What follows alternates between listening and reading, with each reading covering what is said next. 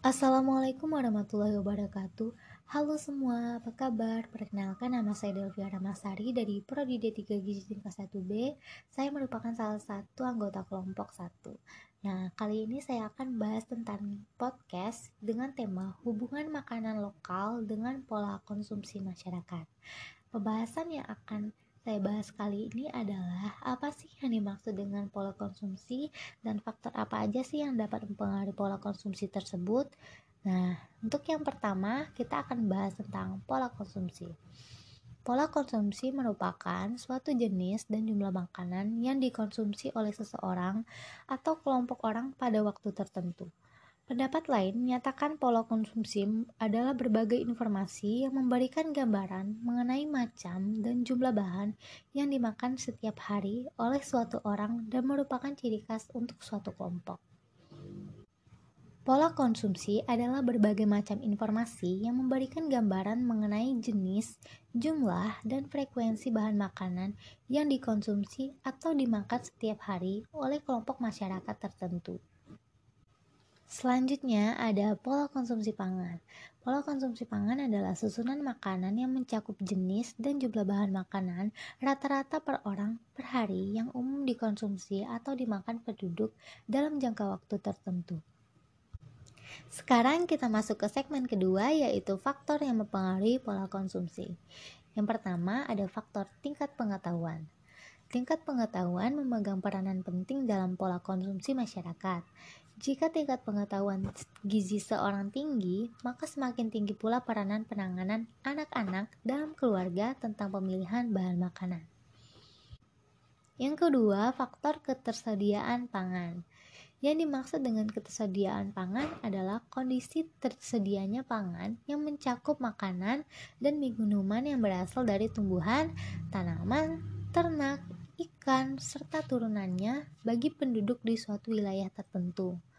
Bila produksi pertanian suatu wilayah rendah, maka dapat menyebabkan pendapatan seorang petani berkurang, kemiskinan, dan kurangnya pangan yang terjadi untuk dimakan.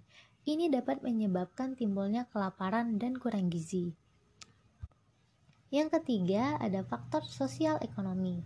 Keadaan ekonomi dalam keluarga memegang peranan paling penting dan sangat mempengaruhi pola konsumsi keluarga. Seperti contoh, keluarga dari golongan miskin sebagian besar menggunakan pendapatannya untuk memenuhi kebutuhan makan sehingga dapat mempengaruhi status gizi dari masyarakat tersebut. Yang keempat, ada faktor sosial budaya. Sosial budaya di suatu wilayah peranan yang kuat berpengaruh terhadap sikap pemilihan bahan makanan yang akan dikonsumsi. Faktor sosial budaya ini berkembang di masyarakat sesuai dengan kondisi lingkungan, agama, adat, dan istiadat. Yang kelima, ada faktor adat istiadat dan kebiasaan. Di Indonesia, adat istiadat dijunjung setinggi mungkin demi menghormati para pendahulunya. Karena itu, adat istiadat maupun kebiasaan sangat berpengaruh terhadap seseorang. Seperti contohnya, salah satu adat istiadat yang biasa dilakukan untuk upacara ritual yang menggunakan bahan-bahan makanan tertentu akan sangat berpengaruh terhadap konsumsi. Lalu, Kebiasaan masyarakat yang sering melakukan pesta dan berkumpul bersama-sama tentunya meningkatkan konsumsi akan meningkatkan dibanding dengan mereka yang tidak memiliki kebiasaan tersebut. Yang keenam adalah pendapatan. Pendapatan adalah faktor yang paling mempengaruhi. Karena semakin besar pendapatan yang diterima oleh seseorang, maka akan semakin besar pula daya belinya. Namun, sebaliknya, jika pendapatan seseorang semakin kecil, maka akan semakin kecil pula kemampuan untuk membeli atau menggunakan jasanya. Yang ketujuh adalah selera. Di antara orang-orang yang memiliki usia yang tidak jauh berbeda, namun dengan pengeluaran konsumsinya berbeda karena perbedaan dari sikap penggunaan dari keuangannya dan selera masyarakat dalam berkonsumsi. Apabila masyarakat memiliki selera yang menurun dalam konsumsi, maka sudah pasti tingkat konsumsi juga akan menurun. Namun sebaliknya, apabila seseorang memiliki selera konsumsi yang semakin meningkat, maka akan meningkat pula jumlah konsumsinya. Yang kedelapan, harga barang dan jasa. Harga barang akan memiliki pengaruh terhadap besar kecilnya konsumsi seseorang. Apabila harga barang meningkat, biasanya mereka akan memperkecil konsumsinya.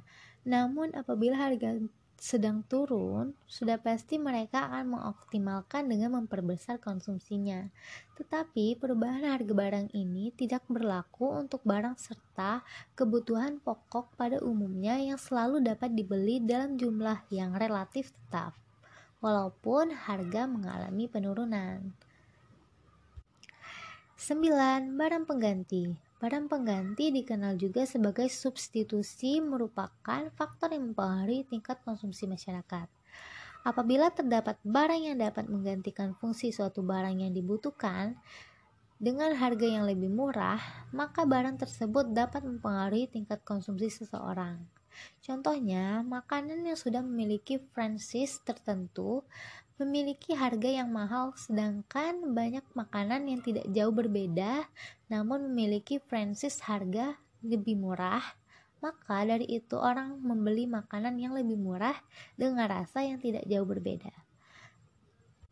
Yang ke-10 ada jumlah penduduk. Besar atau banyaknya jumlah penduduk akan berpengaruh terhadap pengeluaran konsumsi dari suatu masyarakat.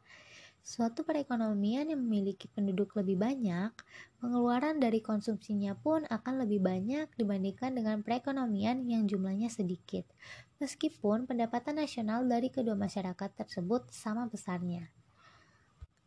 11. Banyaknya barang yang dikonsumsi. Pada umumnya, pengeluaran dari masyarakat untuk konsumsi dipengaruhi oleh banyak sedikitnya konsumer durable, di mana barang konsumsi terpakai lama seperti halnya rumah, kendaraan, lemari es, dan sebagainya. Karena itu, kamu dapat mengurangi pengeluaran konsumsi tersebut seperti dengan memiliki sebuah televisi. Maka, acara seperti menonton bioskop dapat berkurang. 12. Dugaan masyarakat terhadap perubahan harga. Pada kenyataannya, harga barang dan jasa tidaklah cukup stabil. Kalau memang diperkirakan harga akan meningkat, maka masyarakat akan ada tendensi untuk sesegera mungkin menggunakan uangnya untuk membeli barang serta jasa sekalipun pendapatan masyarakat tersebut tidaklah berubah. Dengan demikian, fungsi dari konsumsi akan bergeser ke atas dan sebaliknya apabila harga barang dan jasa diperkirakan akan menurun. Sekian penyampaian podcast dari saya. Apabila ada salah kata saya mohon maaf. Kepada Allah saya mohon ampun. Wabillahi taufiq wal hidayah. Wassalamualaikum warahmatullahi wabarakatuh. See you next time.